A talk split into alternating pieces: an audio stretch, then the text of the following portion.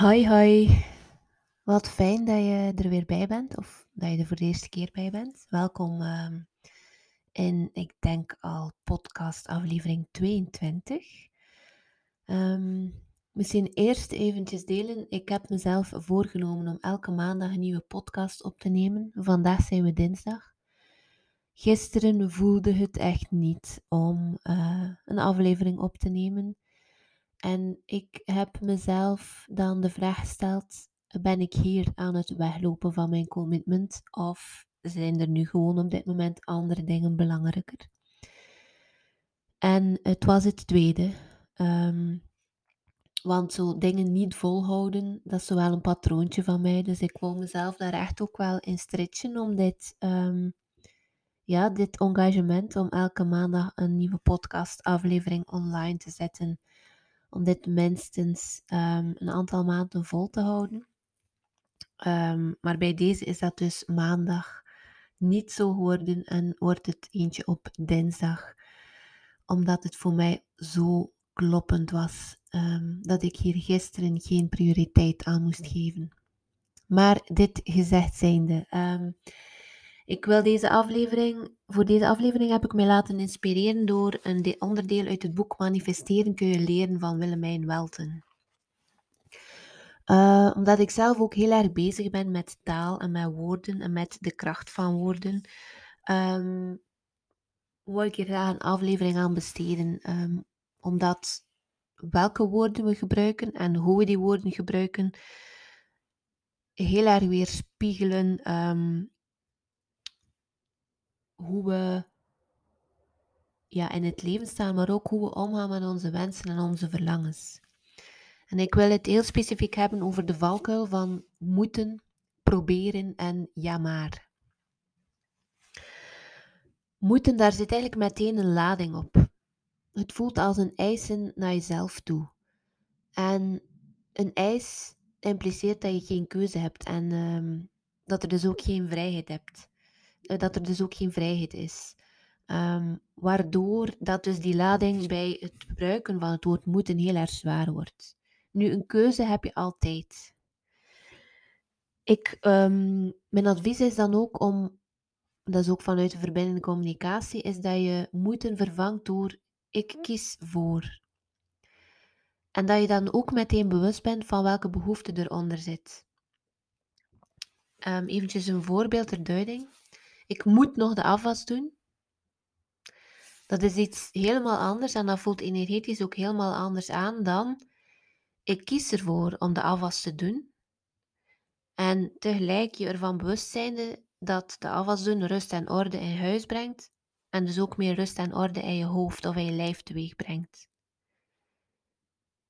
Voel je het verschillende lading tussen die twee? Tussen ik moet de afwas doen en ik kies ervoor om de afwas te doen omdat dat rust en orde in huis brengt en dat dat ook bijdraagt aan rust en de orde in mijn hoofd en in mijn lijf. Dus bij deze dus een um, uitnodiging om je er vanaf nu bewust van te zijn wanneer je het woord moeten gebruikt en om jezelf daar ook echt in te stretchen om dat te vervangen door ik kies voor. En er, er ook even bij stil te staan als ik hiervoor kies, welke behoefte wordt daar dan mee vervuld? Ook het woord proberen is gevaarlijk. Als ik een suggestie geef aan klanten en ze zeggen mij dat ze dat gaan proberen, dan uh, ga ik niet akkoord. Ofwel ga je ervoor, ofwel ga je er niet voor. Maar proberen is geen vol commitment geven ik ga iets proberen, zorgt er ook al voor dat je zelf bijna op voorhand een soort van excuus geeft voor als het dan toch maar niet lukt. En dat je zo een stukje voor jezelf nog een uitweg zoekt om ergens er niet helemaal voor te gaan, om ergens niet het volle eigenaarschap voor te nemen. Ofwel doe je iets, ofwel doe je iets niet. En als je iets doet, dan ga je ervoor en dan zoek je ook manieren om het te doen lukken. Ook ja maar. Ja maar. Dat is een beetje in, uh, in dezelfde lijn als proberen. Ja maar, ik heb daar geen tijd voor. Ja maar, het is de moment niet. Ja, maar ik doe dat wel als de kids groter zijn. Ja, maar mijn tijd komt nog wel. Het zijn allemaal excuses. Tijd is niet jouw probleem. Prioriteit is het probleem. En de verkeerde prioriteiten leggen. En excuses weerhouden je ervan om ergens voor te gaan. Waarschijnlijk omdat er ergens een angst zit. Of waarschijnlijk omdat het, ja, omdat het um, lastig is, die idee om ergens iets uit comfort te gaan doen. Of om lastige of moeilijke dingen te gaan doen. Maar besef dus wel dat je jezelf daarmee klein houdt. En dat alle jamaars ervoor zorgen dat je jouw gewenste toekomst, dat die langer uitblijft. En dat je jezelf dus belemmert om die te gaan creëren. Dus in plaats van ja maar, gebruik dan eens oké en nu. Oké en nu kies ik ervoor om. dan hebben we er meteen twee in één. um, besef dus echt wel de kracht van woorden, maar in beide richtingen. Niet? De kracht van woorden, als je ze gebruikt, kunnen ze je dromen ehm, belemmeren. En als je ze bewust gebruikt, kunnen ze die ook mee gaan creëren. Wat ik bijvoorbeeld vaak hoor ook bij um, vrouwen die ook moeder zijn en die ook ondernemer zijn of een, of een, um, een leiderschapsfunctie opnemen. Ik heb het super druk en ik weet niet wat eerst gedaan. Hoe gaat het bijvoorbeeld? Ah ja, ja, ik heb super druk, ik weet niet wat eerst gedaan. Maar daarmee hou je je situatie alleen maar in de hand. Wat dat je ook kunt zeggen, en ik besef heel hard dat dat echt een, een stuk bewustzijn uh, nodig heeft, hè, maar wat je ook zou kunnen zeggen is, ik ben dankbaar voor de leuke, uitdagende dingen die op mijn pad komen. En tegelijk kies ik er vanaf nu voor om ook voldoende vrije tijd in te plannen. Helemaal anders qua energie. Helemaal anders ook qua uitkomst. Als je vasthangt in ik heb een stukje druk en ik weet niet wat eerst gedaan en je blijft, je blijft daarin hangen, dan zal je alleen maar meer van dat creëren. Terwijl als je heel bewust die woorden kiest en er ook aan koppelt waarnaar je verlangt en dat ook uitspreekt, dan is de eerste toon daarmee al gezet om dat te gaan creëren. En in dat boek van uh, manifesteren kun je leren staan er zo nog een aantal voorbeeldjes die dat ik ook regelmatig tegenkom. Mm, ik heb bijvoorbeeld op dit moment een aantal klanten die um, een carrièrewending um, ondergaan. Um, en dan hoor ik soms, ja, ik vind het lastig om, om een keuze te maken. Dat is een heel andere energie dan, ik ben nieuwsgierig welke, welke keuzes ik ga maken en, en um, wat er op mijn pad gaat komen, die mijn keuze mee gaat bepalen. Um, wat ik ook vaak hoor is, ik wil dat gesprek niet aangaan, want ik zie er tegenop om dat te vertellen tegen die persoon, uh, om, omwille van wat dat die ervan gaat vinden. Dat is een hand andere energie dan bijvoorbeeld zeggen, ik vertrouw op mijn eigen beslissing en een ander heeft daar geen impact op. Mm, nog een voorbeeldje.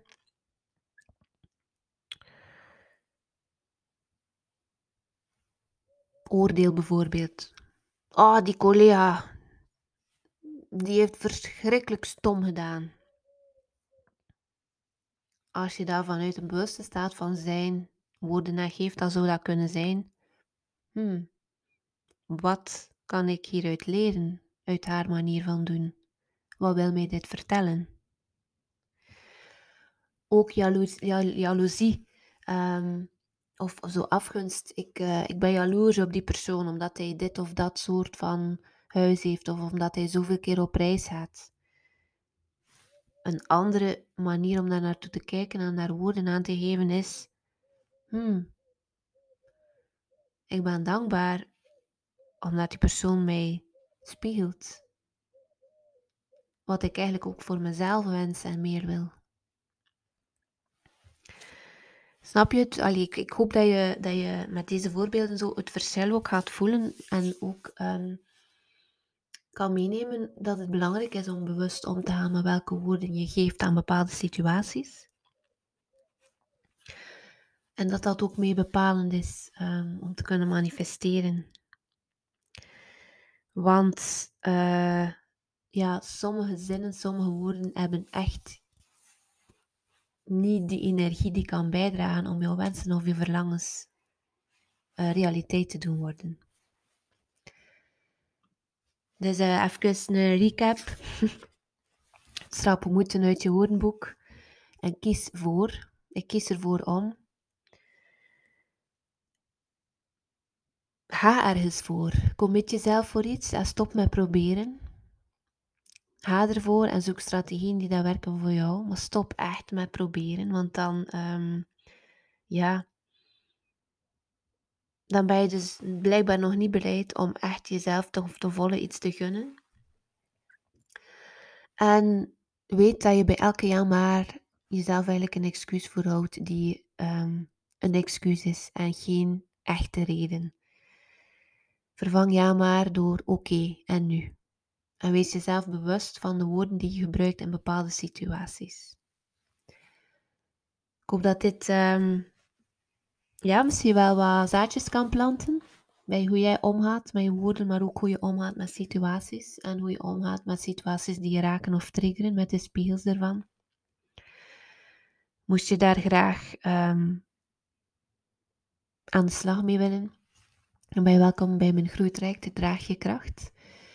Daarin um, ja, doen we een deep in het stuk bewustzijn, in verbinding relateren, innerlijk kindwerk. En ook um, hoe kan ik mijn wensen toekomst realiseren.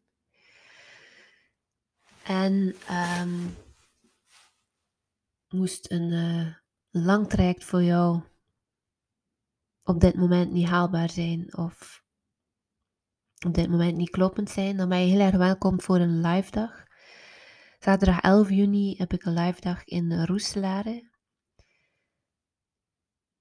Daarin, ja, het is eigenlijk een soort van coaching, therapie, uitgaan, me-time, energie geven, opladen, je laten dragen, de groep meehelpen dragen, alles in één. Het linkje daarvan vind je bij de omschrijving van deze podcast. Je bent heel erg welkom. Er zijn nog vier plekjes. En bedankt om te luisteren. Hopelijk tot een volgende aflevering.